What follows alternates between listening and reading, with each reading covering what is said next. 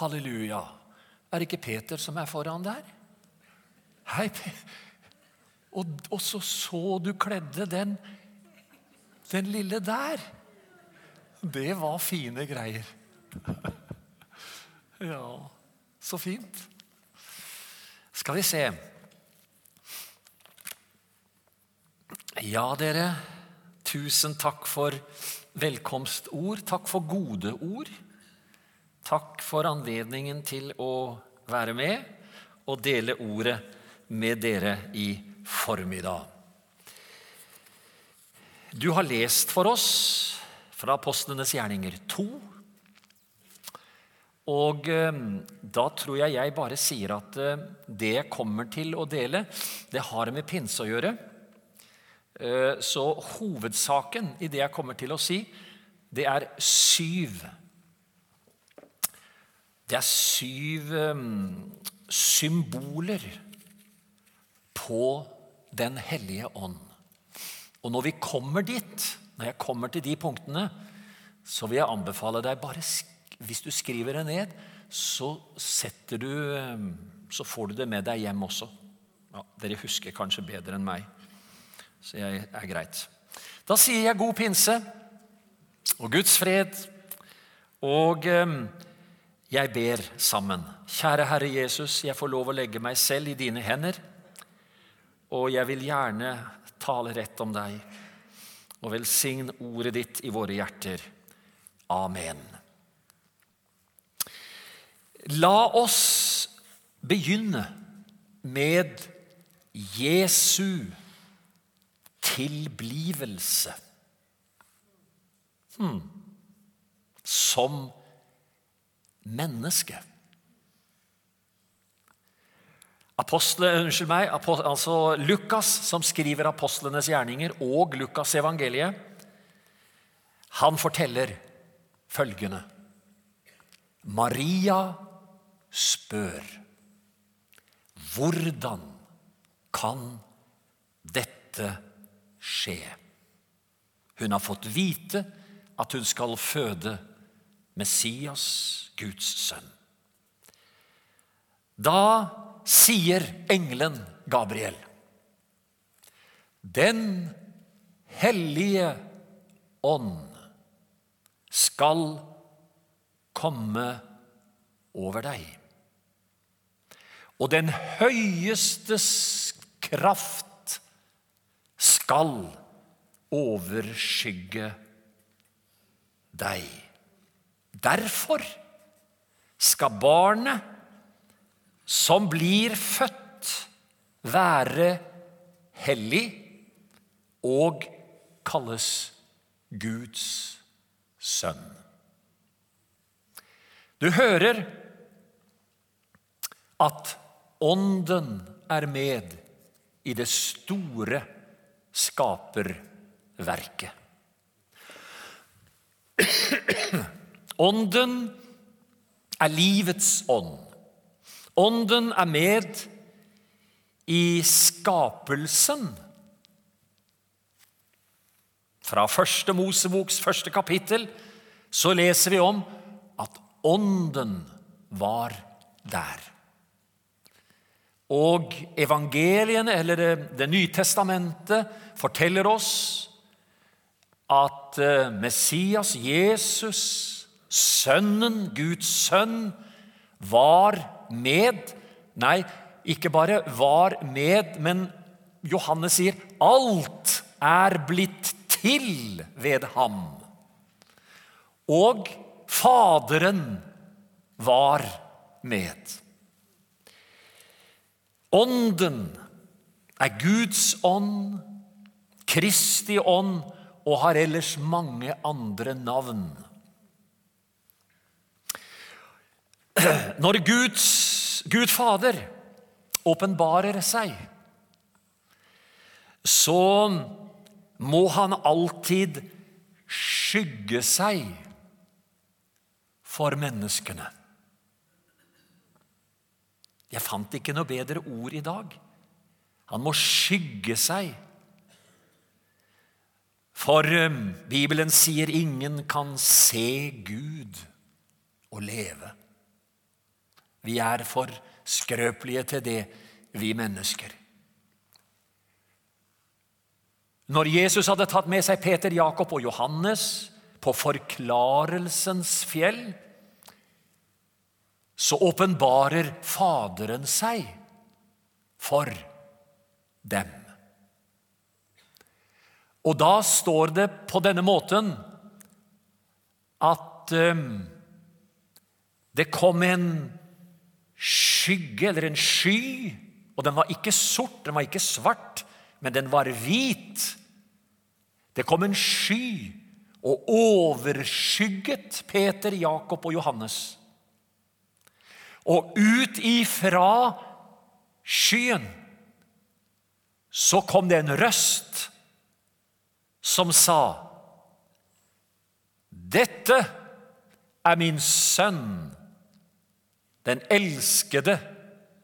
I ham har jeg behag.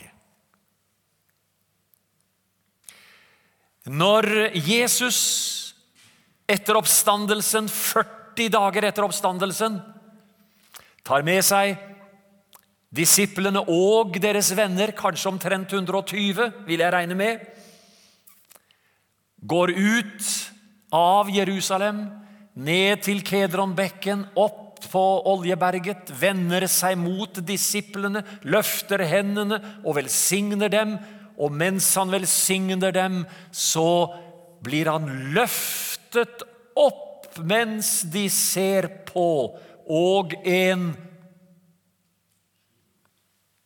sky tar ham bort fra deres øyne. Hvis dette er en alminnelig, normal sky, så er det en alminnelig, normal sky. Og det er helt greit. Men jeg har tenkt en annen tanke.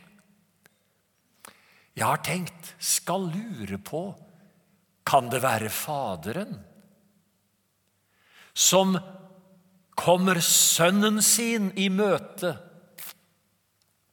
ønsker ham velkommen og fører ham inn i tronhimmelen, den syvende himmel, i den himmelske herlighet.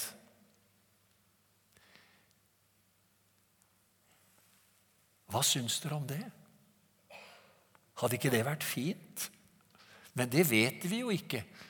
Men jeg bare tenkte tanken, og så tenkte jeg her kan jeg jo si det. Det er mange himler.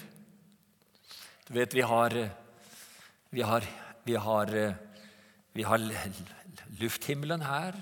Vi har atmosfæren. Vi har den tredje himmel, som er eh, paradis. Og så har vi jo Guds øh, øh, englehimmel. Og så har vi vel forrådshimmelen. Og så har vi det nye Jerusalem. Og så har vi det øverste. Der hvor han satte seg ved majestetens høyre hånd i det høye, Guds tronhimmel. Og P. Paulus skriver over enhver makt og myndighet og velde og herredømme og over ethvert navn som nevnes bare, ikke bare i denne verden, men også i den, høy, den kommende, han la alt under hans føtter og gav ham som arving over alle ting ved hvem han også har gjort verden. Det første som skjer når han er kommet hjem,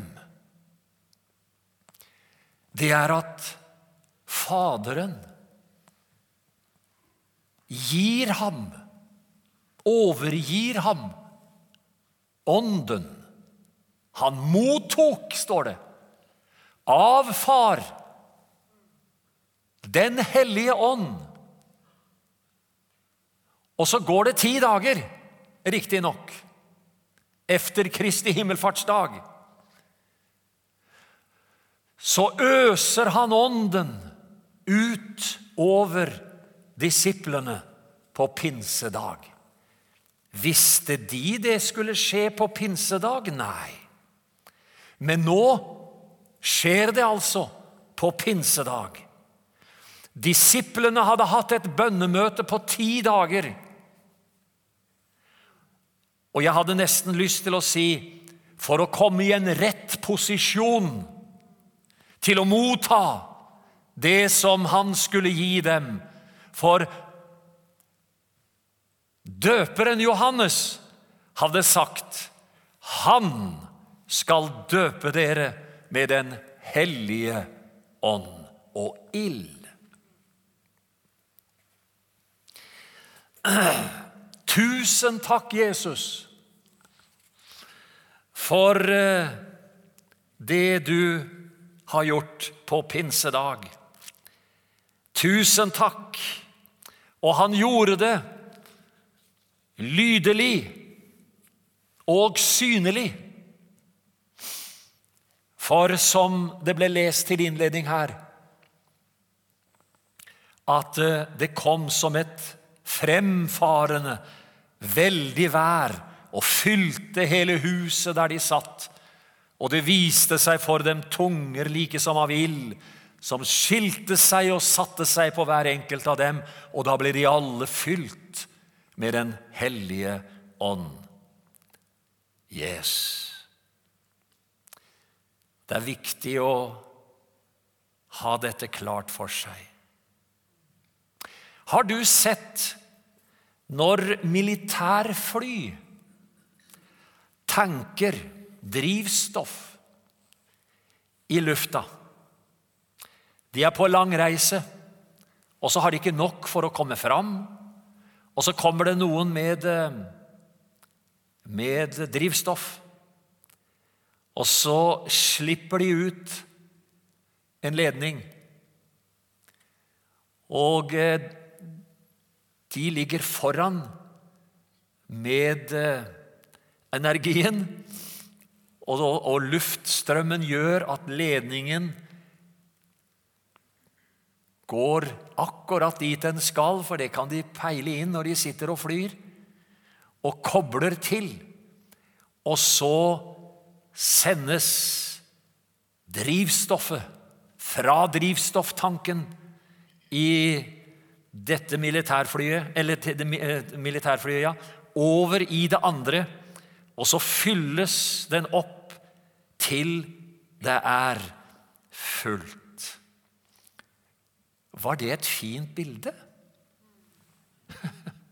Men jeg kan si dere det bildet der, det passer best om Det gamle testamentet. For da var det enkeltmennesker som ble tatt ut av Herren til tjeneste blant mennesker. Men i Det nye testamentet, pinsedag, der skjer det noe radikalt nytt. Ånden. Ånden gjør det, gjør det i dag også, men på en litt annen måte. Etter pinsedag er Ånden kommet her. Overalt. Og det er et uttrykk som er brukt, eh, eh, som jeg bare vil bruke, for jeg tror det kan Jeg ser det bildet for meg. At ånden er som havet, som dekker havets bunn.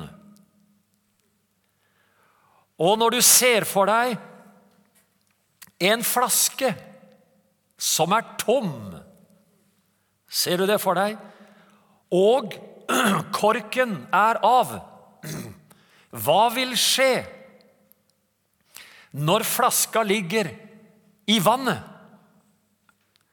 Jo, det vil skje at den blir fylt opp fordi flaska har korken av, og det er tomt inni. Bildet er litt haltende, jeg vet det. Men det var fint bilde. Det var fint bilde. Hvordan ser du for deg dagen i dag? Jo, på fredag så fikk jeg et bibelkort. Og da fikk jeg selvfølgelig et bibelord. Jeg fikk et fint bilde. Det var det ene. Men jeg fikk et bibelord.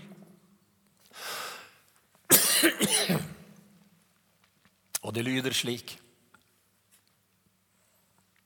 Vær meg nådig, Gud. Vær meg nådig.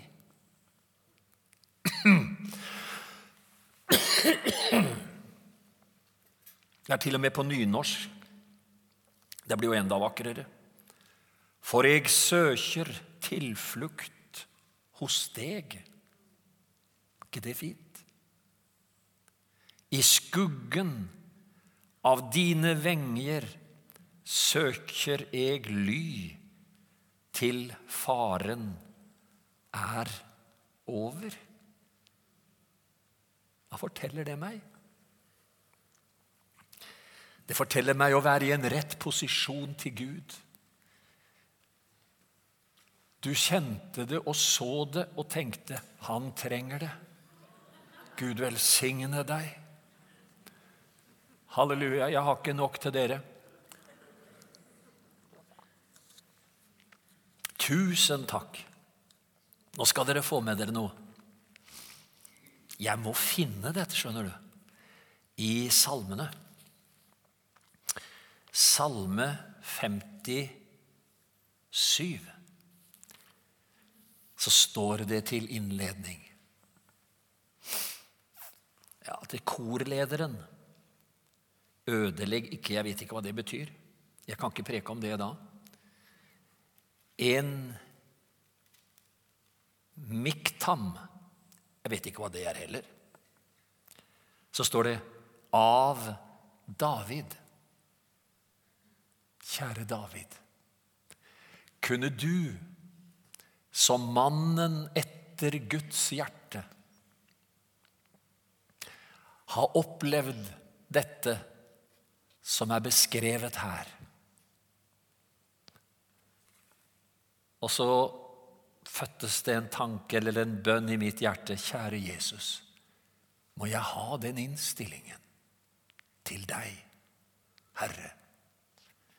Vær meg nådig, Gud. Og så sier han det to ganger. Vær meg nådig, for jeg søker tilflukt hos deg.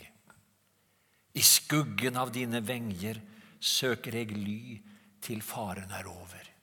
Må ikke fremstille pinsevennene som spesialister på Den hellige ånd. Det passer ikke. Vi kan ikke bli spesialister, noen av oss, på Den hellige ånd. Men vi kan alle sammen få oppleve Den hellige ånd. Halleluja. Halleluja. Og kom i rett posisjon.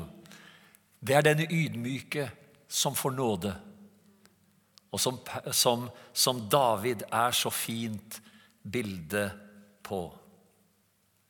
I år er det 250 år med Hans Nilsen Hauge.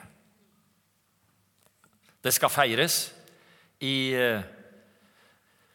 i Trondheim. Det er jubileum. Og det som skal spesielt feires, det er at han hadde en opplevelse. Opplevelse. Ja. Det var en april. Han var ute og pløyde. Han var, gårdsk, han var bondesønn i Østfold. Han var ute og pløyde. Og det var tidlig vår det året, så han var ute allerede i april. Og så begynte han å synge en sang han kunne godt. Jesus, din søte forening og smake. Lenge så trenges mitt hjerte og sinn. Så kommer han til det fjerde verset. Meg og hva mitt er jeg gjerne vil miste, om du alene i sjelen får bo, og seg omsider til døren må liste, alt som forstyrrer min hvile og ro. Og da var det som han opplevde en fylde av Den hellige ånd. Og Andreas Aarflot, som var biskop i Oslo, han skrev en, enten en doktoravhandling eller en hovedoppgave om Hans Nilsen Hauge, og han sier at det Hauge opplevde, må kunne sammenlignes med det pinsevennene har erfart i de siste hundre årene i vår tid. Ja, for det var vel det han opplevde, skulle jeg tro. Ånden. Jeg var så glad for at jeg som 13-åring kom hit til menigheten i evangeliet. Og det satte meg på sporet. Det tror jeg var den alminnelige forkynnelsen. Men jeg tror det satte meg på sporet av å søke Ånden. For det sier Bibelen at vi skal gjøre. Søk Ånden. Søk mer av Ånden. Ja, men vi har jo Ånden. Ja, det har vi. Men du skal søke at Han fyller alle rom i din indre verden. Og ingen, ikke alle blir predikanter. Ikke alle blir misjonærer. Ikke alle blir det ene eller det andre. Men for den enkelte så er det det Herren gjerne vil gjøre. Hvis vi skrur av korken, for å bruke det bildet, så er Ånden her. Amen. For hver enkelt. For hver enkelt. Derfor ble jeg som 14-åring berørt av Den hellige ånd i et bønnemøte i evangeliehuset og bønnekjelleren i evangeliehuset. Og den var lav. Der var det lavt under taket. Så jeg husker at da vi satt på benken, så var det en broder som skulle tale i tunger. Og så hoppet han litt for fort opp. Og han kom veldig fort ned, for han nådde taket. Men han gjennomførte det han hadde på hjertet, og talte i tunger, og en annen tydet. Og han var så liten at det gjorde ikke noe, så han kunne hoppe så mye han ville. Nei da. Jeg lå der og søkte Jesus. Når jeg sier 'jeg lå', så betyr ikke det at jeg lå i ei seng, men jeg lå på kne for meg selv. Og så tenkte jeg, kjære Jesus, hvis dette er Den hellige ånd, så vil jeg bruke det. Og den første tanken som streifet meg når det gjaldt tungetalen, det var dette. Dette er jo bare babbel fra Babylon. For du vet åssen de, de babla der. Og ingen forsto hverandre. Så jeg har hørt uttrykket av andre predikanter, så jeg brukte det uttrykket for å forklare det. Men det står det ikke om det som skjer i Apostlenes gjerninger 2. Det står de talte alt ettersom Ånden gav dem å tale. Halleluja. Så det jeg hadde inni meg, det var ikke fra Babylon, men det var fra Ånden. Og så tenkte jeg med meg selv hvis jeg våger å bruke det, så så har, det, har, jeg det jo. Og jeg er ganske sikker på at det er flere som har det, enn det man er klar over. Og så gjorde jeg det, og så hadde jeg også et annet bibelord i tankene. For det står når du ber om Ånden, så ville han ikke gi stener i stedet for brød. Og dersom da dere som er onde, vet å gi deres barn gode gaver, hvor meget mer skal da ikke Faderen gi dem Den hellige ånd som søker ham? Så tenkte jeg, da tar jeg det imot. Da inntar jeg det. Og det gjorde jeg. Og jeg gjorde ikke noen veldig oppstandelse i det hele tatt. For jeg holdt på med meg selv. Jeg holdt på med der jeg lå i bønn til Jesus en god stund. Og så syns jeg at jeg hadde fått en berøring av Ånden, og det hadde jeg fått. Og jeg tenkte jeg som 14 og 15 og 16-åring ble så berørt av Herren, av Jesus, av Ånden, at jeg, når jeg syklet med aviser For det gjorde jeg på Herøya. Og hadde ei rute på en sånn 70-80 abonnenter.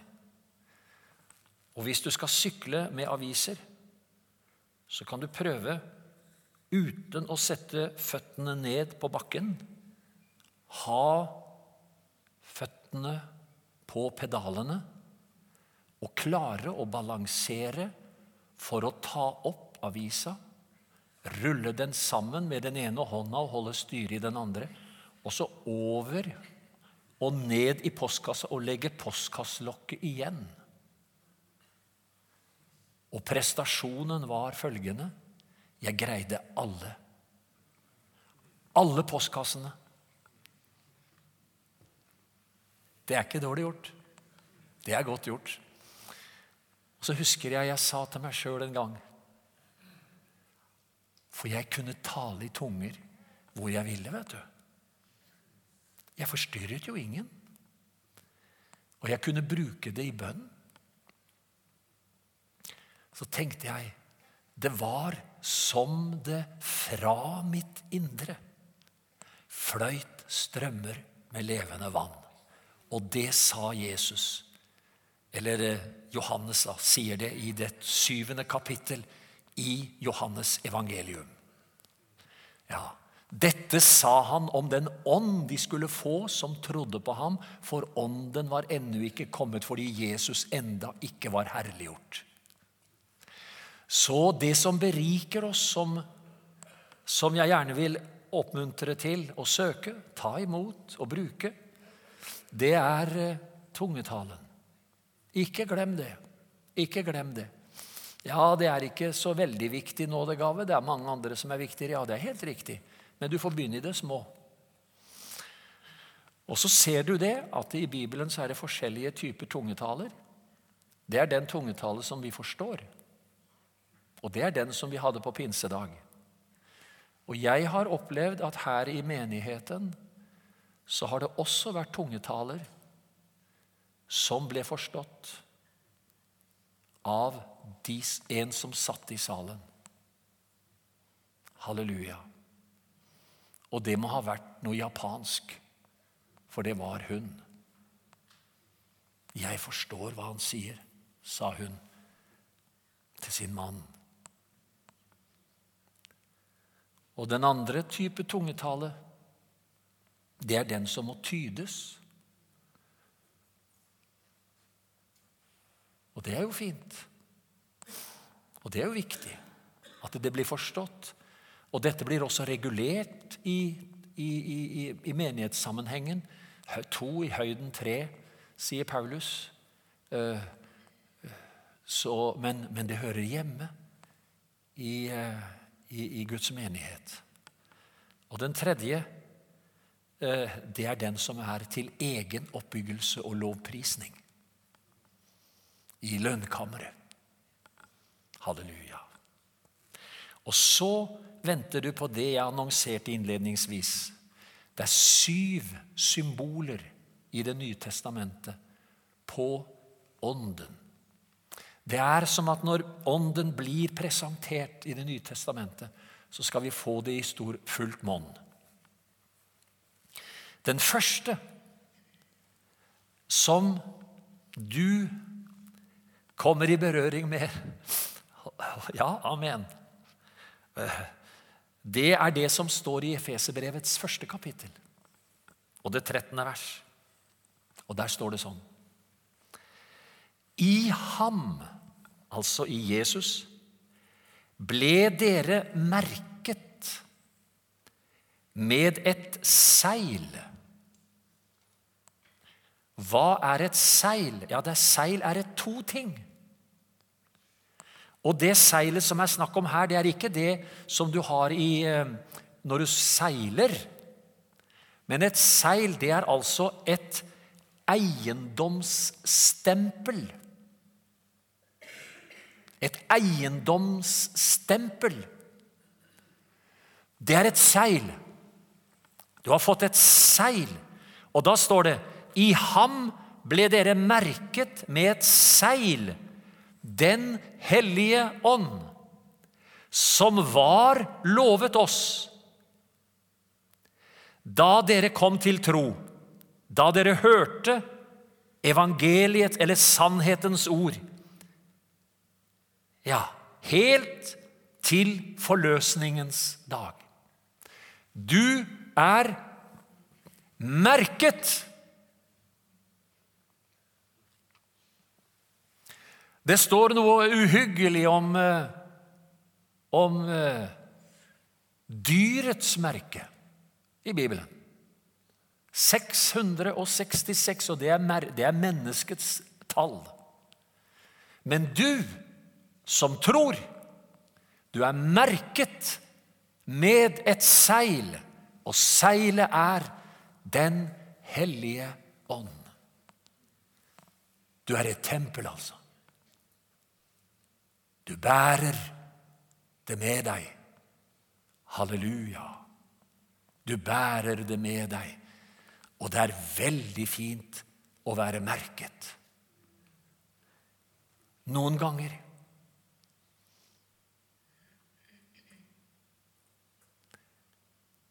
så var jeg sammen med Heggelund. Han var forstander her i Porsgrunn i gamle dager, da jeg var ung. Og så var jeg sammen med ham. Da var jeg 19 år, tror jeg. 19-20 år. Og så var vi ute og besøkte sjuke folk.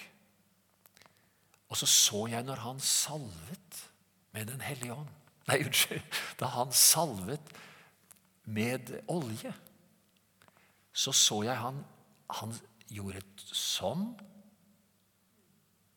og så gjorde han sånn. Og så tenkte jeg Ser jeg rett, eller var det bare tilfeldig? Jo, neste gang vi var ute igjen, så gløtta jeg på øya. Vi ba, og så, og så så jeg han. Ja, dere, jeg ikke legg noe annet i det enn det jeg bare sier nå. Men da sa jeg til meg sjøl Nå ble han korsmerka. Det å være korsmerka det var faktisk Det skjedde i gammel tid. Så var det sånn det foregikk eh, mange steder også i Norge. At folk fikk et korsets tegn. For de ble merket med et seil.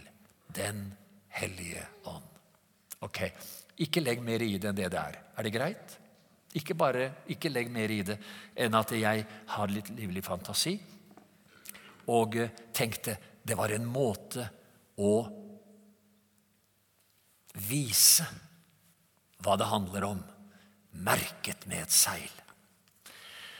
Det, det var den første. Det andre, det står om Den hellige ånd. Han Merk deg også personlig pronomen.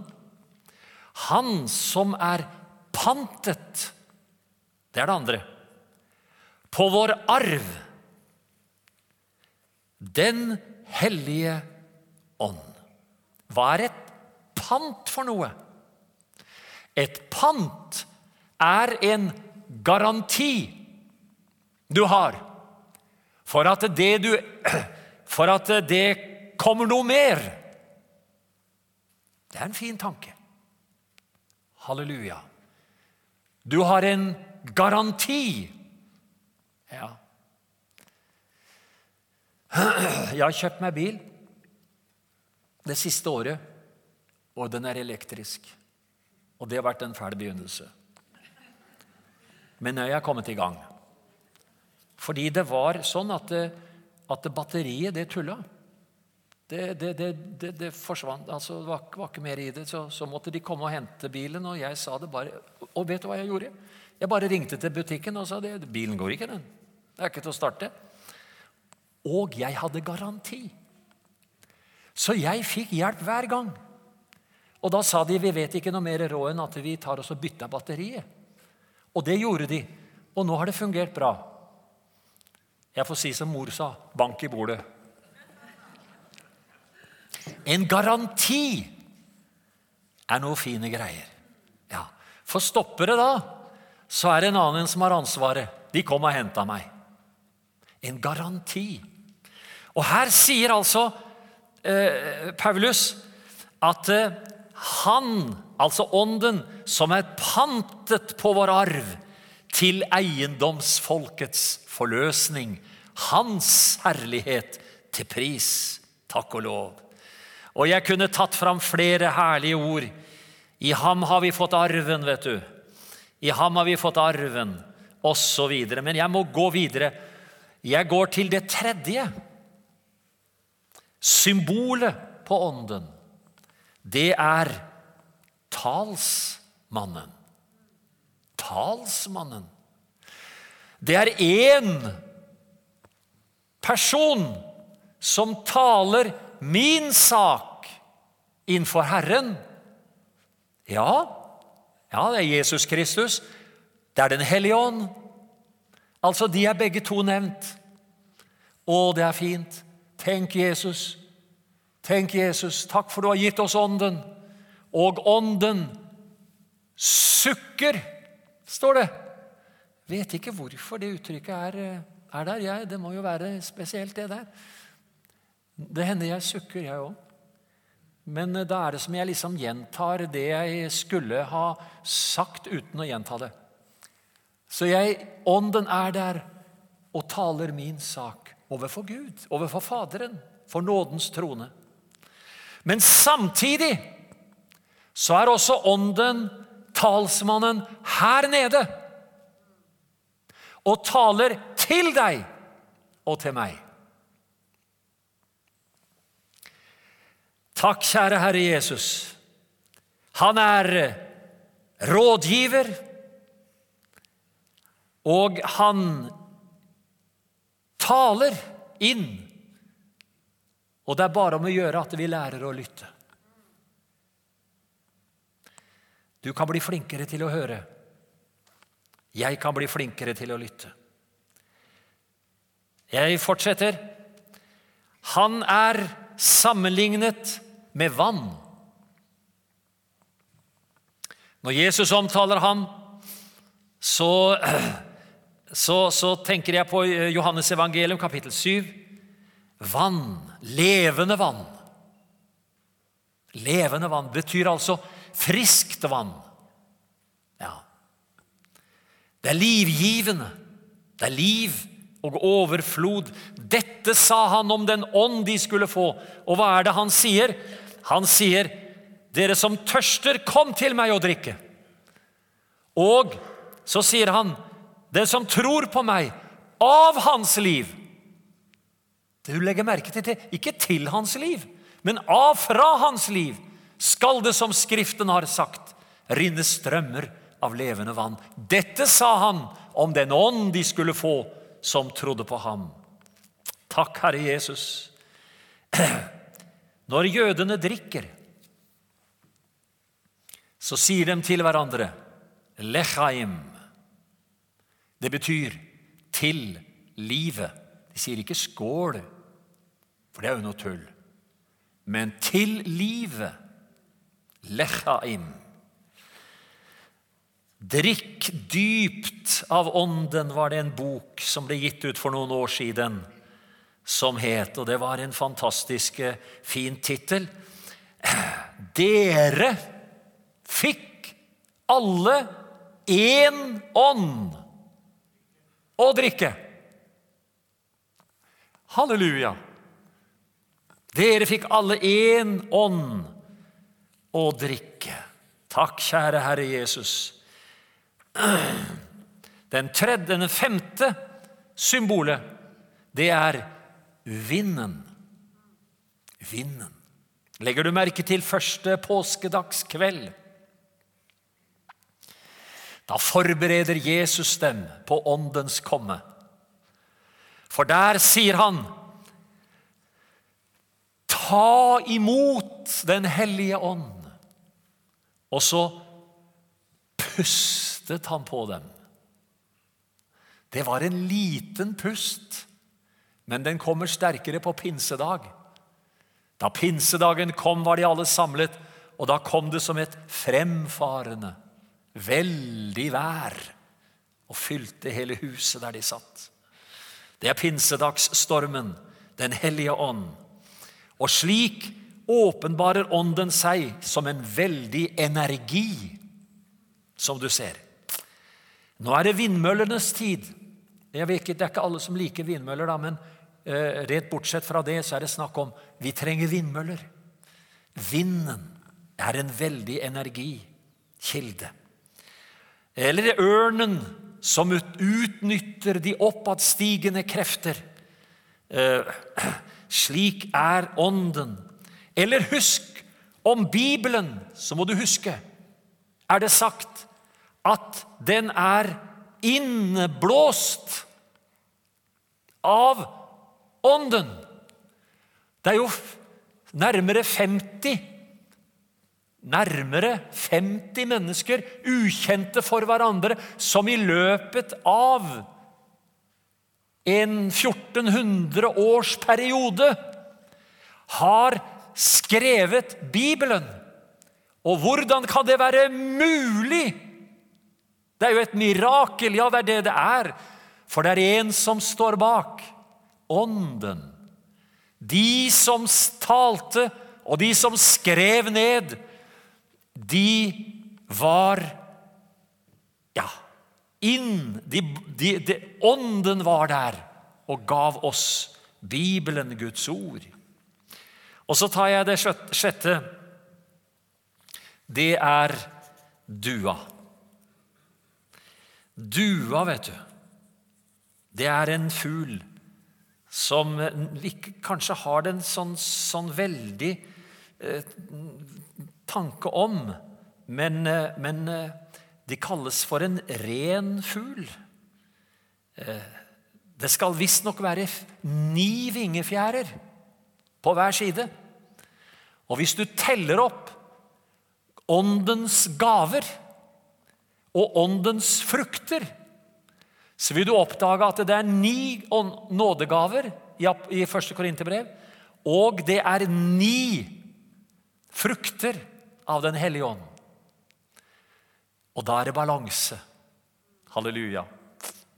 Da er, det, da er det balanse. Åndens frukter og åndens gaver. Nå går vi mot landing. For 30 år siden Ja, kanskje noe mer. For 30 år siden Jo da, det er bare noen få år mer. Så skulle du ha levd. Og noen av dere gjorde jo det. Jeg også. Da var det to unge herrer som ville satse på oljeleting i Norge. Og av alle steder ville de satse ute i Nordsjøen. Og da svarte stortingsrepresentantene det er jo noe tull å leite etter olje utenfor Norge. Ja, men dere har noe som heter eh, eh, Er det kontinentalsokkelet det heter?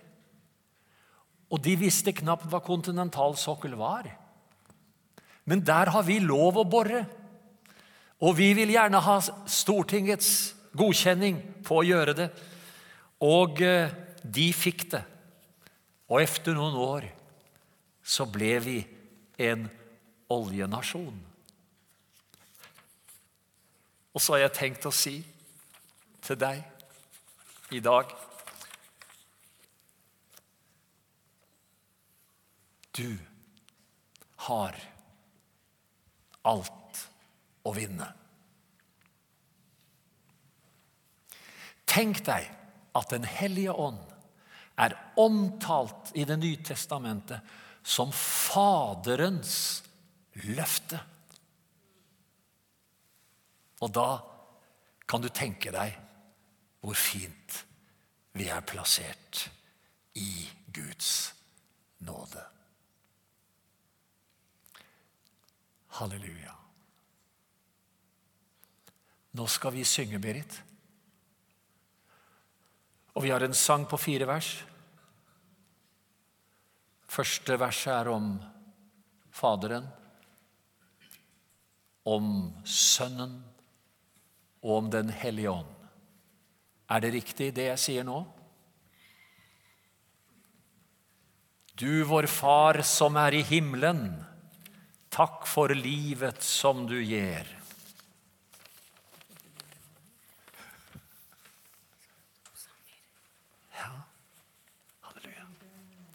Skal jeg ta av meg den nå?